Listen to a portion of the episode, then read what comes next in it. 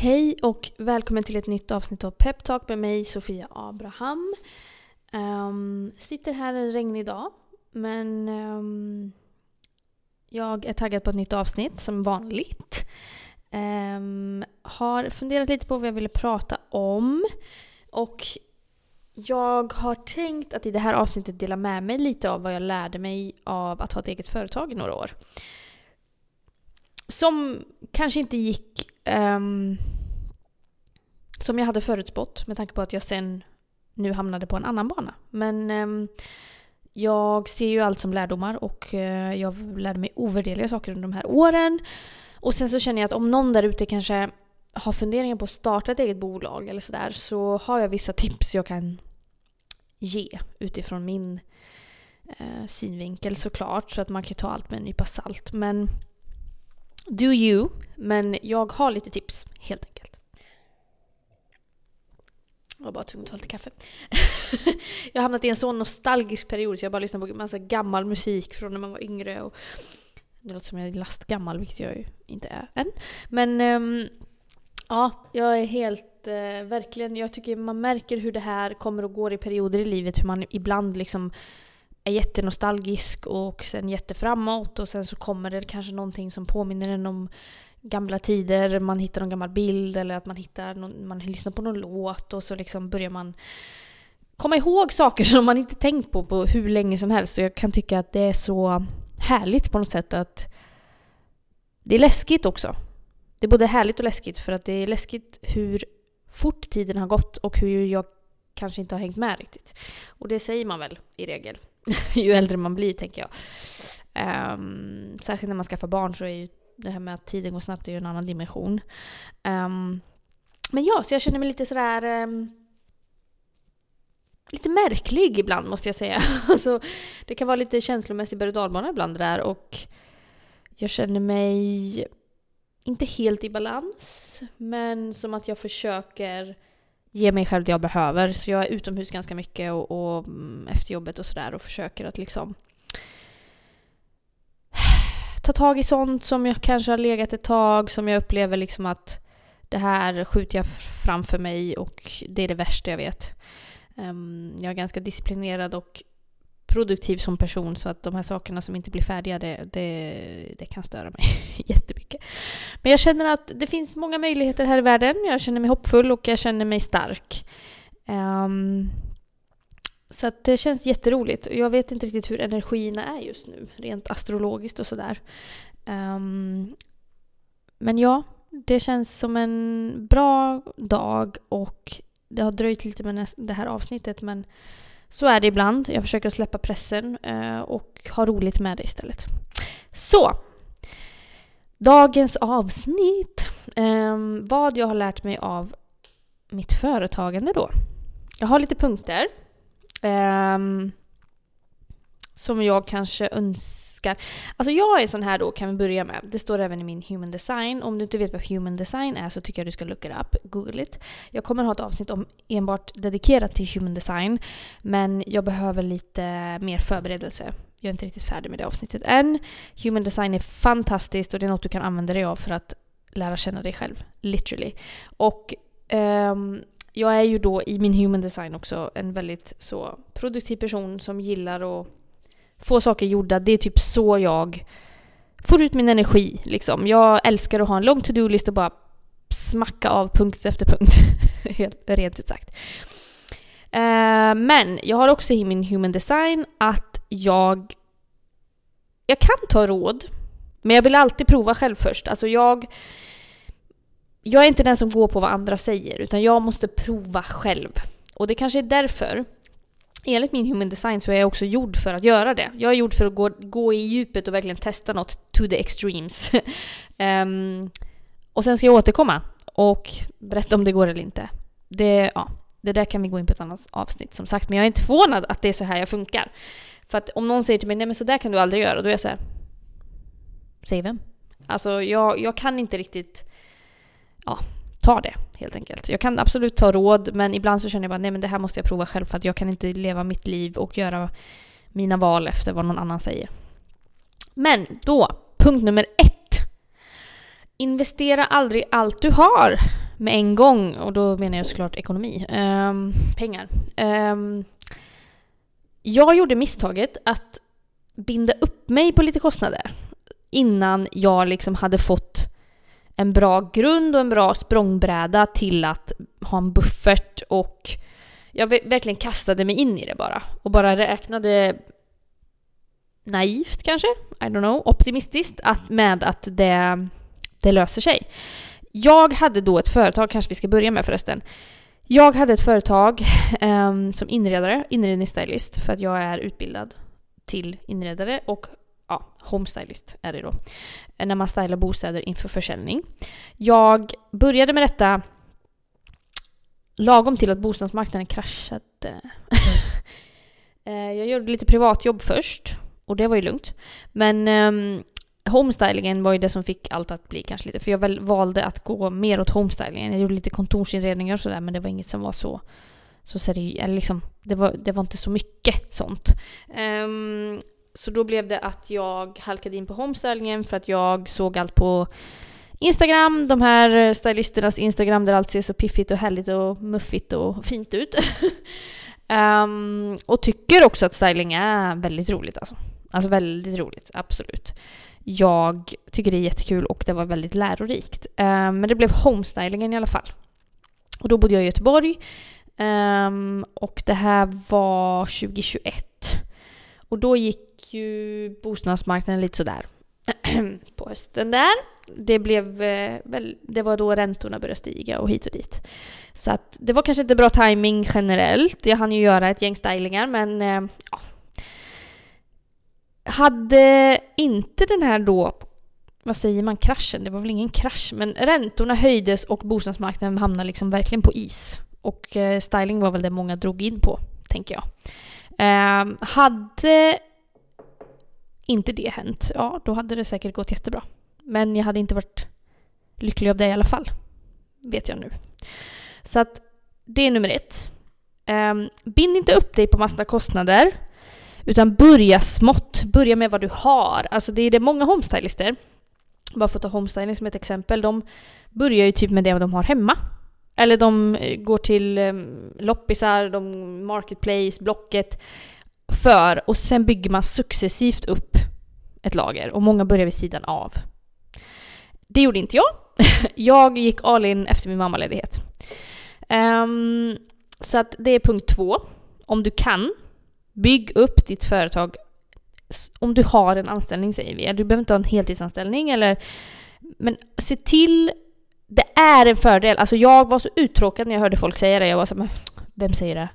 Men det, är, det har sina fördelar alltså. Om du inte har liksom ett utarbetat kontaktnät och att du har full koll på läget så att säga och att du är i en bransch där du liksom vet någonting om den. Alltså, jag visste ju saker om branschen men ändå väldigt mycket som jag saknade branschkunskap. Eh, så att, för jag kastade mig ut, jag satsade allt och startade upp utan att ha någon grundinkomst. Och det kunde jag ju göra. Eh, så, jag hade ju täckning för det. Men det blev en lite så här... Det var ingen kul känsla. Alltså hade jag haft något annat också så hade inte all press hamnat på det här från dag ett någonstans, om ni förstår vad jag menar. Eh, rent ekonomiskt kunde vi göra så i familjen liksom. Det var inte så att jag satsade allt på det sättet. Men det blev för mig liksom en stre ett stressmoment att känna som att jag hade gett mig in i det innan det gav någonting. Innan jag kunde ta ut lön. Liksom det, det, blev liksom inte så, så rätt i det, för mig i alla fall. Eh, så därför tipsar jag om att om du har typ ett jobb, behåll det ett tag till. om du kan. Eller typ gå på timmar någonstans medan du bygger upp, alltså bara så att det blir lite så.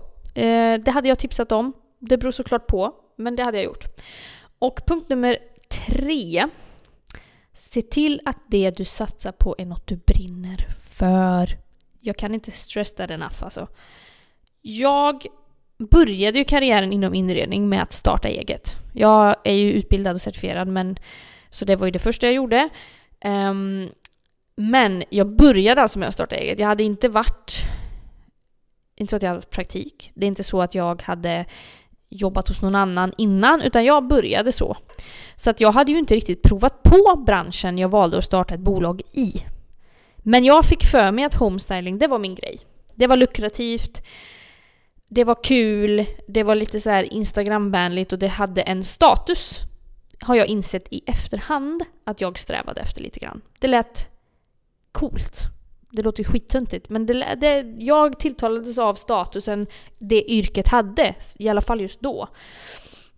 Um, men det visade sig ganska snabbt att jag trivdes inte alls med det. och jag tror att det var därför det aldrig slog så att säga. Alltså jag tror att hade jag trivts med det och det varit mitt kall på riktigt, då hade det ju gått bra. Men jag är helt övertygad om att jag fick lärdomar därifrån som jag kan ta med mig till mitt, mm, alltså framåt i livet.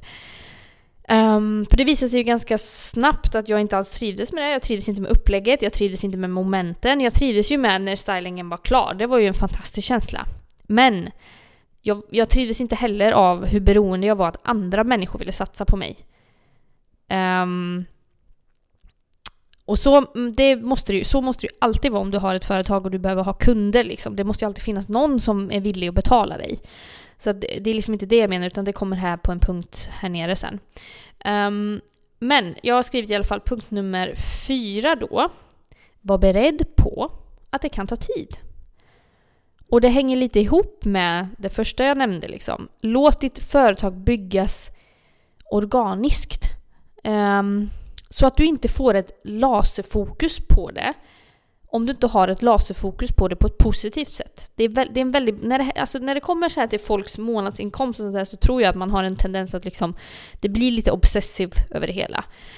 Um, så att jag jag menar på att det kan ta tid, du ska bygga ett kontaktnät, du ska bygga kundrelationer, eh, du ska få balans i ditt bolags ekonomi, du ska ha en fungerande vardag med ditt bolag. Det är jätteviktigt och därför så tycker jag att man ska vara förberedd på att det kan ta tid. Det kan ta flera år innan ett bolag liksom flyger. Och då behöver man ha den här, äh, det här pannbenet och verkligen tro på det man själv gör. För om ingen annan tror på det så måste du fortsätta tro på det. Du kan inte förlita dig på att andra ska säga till dig att det är en bra idé. Tror du att det är en bra idé? Bra, då håller du i. Liksom. För mig var det ju att jag inte gav upp, men jag... Ja, jag valde att lämna det för att jag kände bara det här servar inte mig överhuvudtaget. Det här är inte min grej. Det här är inte... Eller jo, delvis min grej. Men det här sättet vill inte jag ha det på helt enkelt. Och då är jag, jag är den sista, jag håller aldrig fast vid någonting utan när jag är klar då är jag klar. Då är det bra sen liksom. Och det är väl, det har jag lätt för liksom. Jag har lätt för att hoppa in och testa, jag har också lätt för att bara okej, okay, det där funkar inte, next. Men sen kan jag såklart klandra mig själv lite efterhand och bara hur, hur tänkte jag? Men jag visste ju inte bättre, men nu vet jag. Så att det är så jag får se det. Jag ser inte det här som misstag, jag ser det som lärdomar. Och det tycker jag också är viktigt att ha med sig när det kommer till företag. Det kommer komma misstag. Alltså, vi skulle ju inte använda det. har jag ju sagt i tidigare avsnitt. Det kommer komma lärdomar du, du behöver fejsa. Men du löser det. Du kan inte klandra dig själv för dem, för då kan du inte vara egenföretagare. För att vara egenföretagare, det är mycket ansvar, du ska ha koll på alla möjliga delar, du kan ju ta hjälp av revisor och sådana bitar va. Men, men i, det är du som är ansvarig och det måste du kunna acceptera. Och då kommer det komma lärdomar längs vägen. Och det vill till att acceptera det och bara steppa vidare från dem varje gång. Um, sen, den här punkten. Nummer fem. Det tycker jag är en viktig punkt. Att ha ett bolag, det är inte synonymt med frihet. Alltså överallt så ser jag sådana människor som drömmer om att starta ett företag för de vill ha frihet. Ja, alltså det är ju jättefint. Men alltså på riktigt, så det krävs att du har en väl utarbetad affärsmodell som sköter sig själv även om du inte är där för att det ska vara frihet. För att ett, ett bolag, för att du startar ett bolag, det är inte synonymt med att du helt plötsligt har frihet. Det är en frihet att kunna välja kanske med vem du jobbar eller sådär.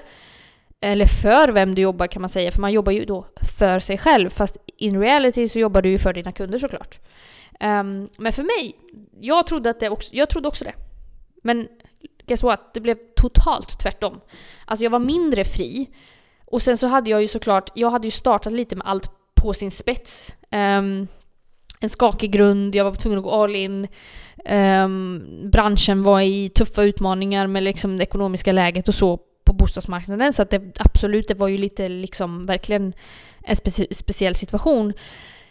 Men alltså jag kände ju noll frihet. Jag kände att jag behövde tacka ja till alla jobb jag fick. För jag var rädd för att tappa kundrelationer. För att jag hade inte gjort det här djupgående med mig själv heller. Och det här kommer ju det spirituella in någonstans. Och det här med självkärleken. Jag hamnade verkligen i en sits där jag typ kände att nej men jag måste plisa alla andra här. Och det gjorde mig dränerad. Verkligen. Um, så att det var en ständig stress. Uh, jag kunde inte tacka nej till någon. Det kändes som jag var väldigt underlägsen gentemot kanske mäklare och sådär. Och, och um, man behövde göra saker felfritt, alltså totalt felfritt, annars var, blev, var det kört och man var tvungen att ställa upp med kort varsel. Eh, liksom, det kunde ringa, ja ah, men vi ska ha en styling imorgon, nu får du göra den. Och då var det bara smack till lagret, och stå där och packa åtta timmar och sen stylingen var planerad dagen efter. Så kanske man stylade två dagar och sen så stod grejerna där tills det var dags att ta en lastbil och tömma. Alltså som stylist var man ju också städare, psykolog, um, flyttgubbe. Och alltså det var verkligen ett fysiskt arbete som jag visserligen älskade men det var all den här tiden på lagret tror jag som verkligen förstörde det för mig. Alltså det, det var så lite tid som jag upplevde faktiskt ägnades åt det här oh, the final touch liksom. Såklart, det borde jag fattat. Men ja, jag fattade inte det. Vad ska jag säga? Um, det kändes som att jag alltid behövde stå på tå och som att om jag någon gång inte kunde ta ett jobb så fick jag säga fasen också. Nu kommer inte de ringa mig mer från den här mäklarbyrån. För mäklarna där var väldigt så här, Ja, de kände kanske att, de, att det var de som bestämde lite grann. De jag jobbade med. Jag jobbade säkert med fel mäklare. Men um, jag, det var inte lätt att vara ny liksom. Så att eh, det var tufft. Um, och det blir väldigt ytligt för mig i en sån bransch då liksom. Det, det, är ingen som är intresserad av dig, det är ingen som är intresserad av att lära känna dig. Så upplevde jag. Sen finns det ju många i Göteborg och andra ställen som är stylister som har helt andra upplevelser. Um, men jag tänker att jag var tvungen att lära mig det här. Så det är därför det kom i min väg så att säga. Um, jag lägger ju väldigt stor vikt vid det genuina liksom. Så att, um, ja. Det var den punkten. Men, sen vill jag bara säga också.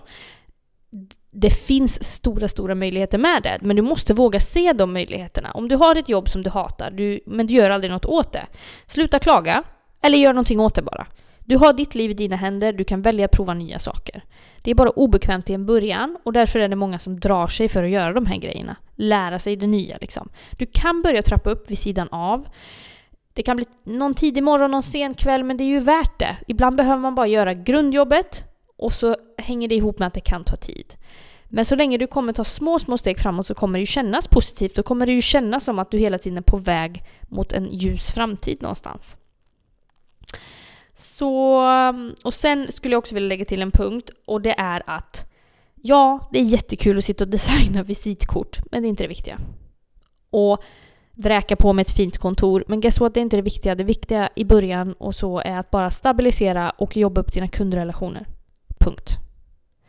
Och se till att ha affärsmodeller som funkar för dig och, och lär dig de här, alltså ha ordning på reglerna om du ska starta ett bolag till exempel då liksom.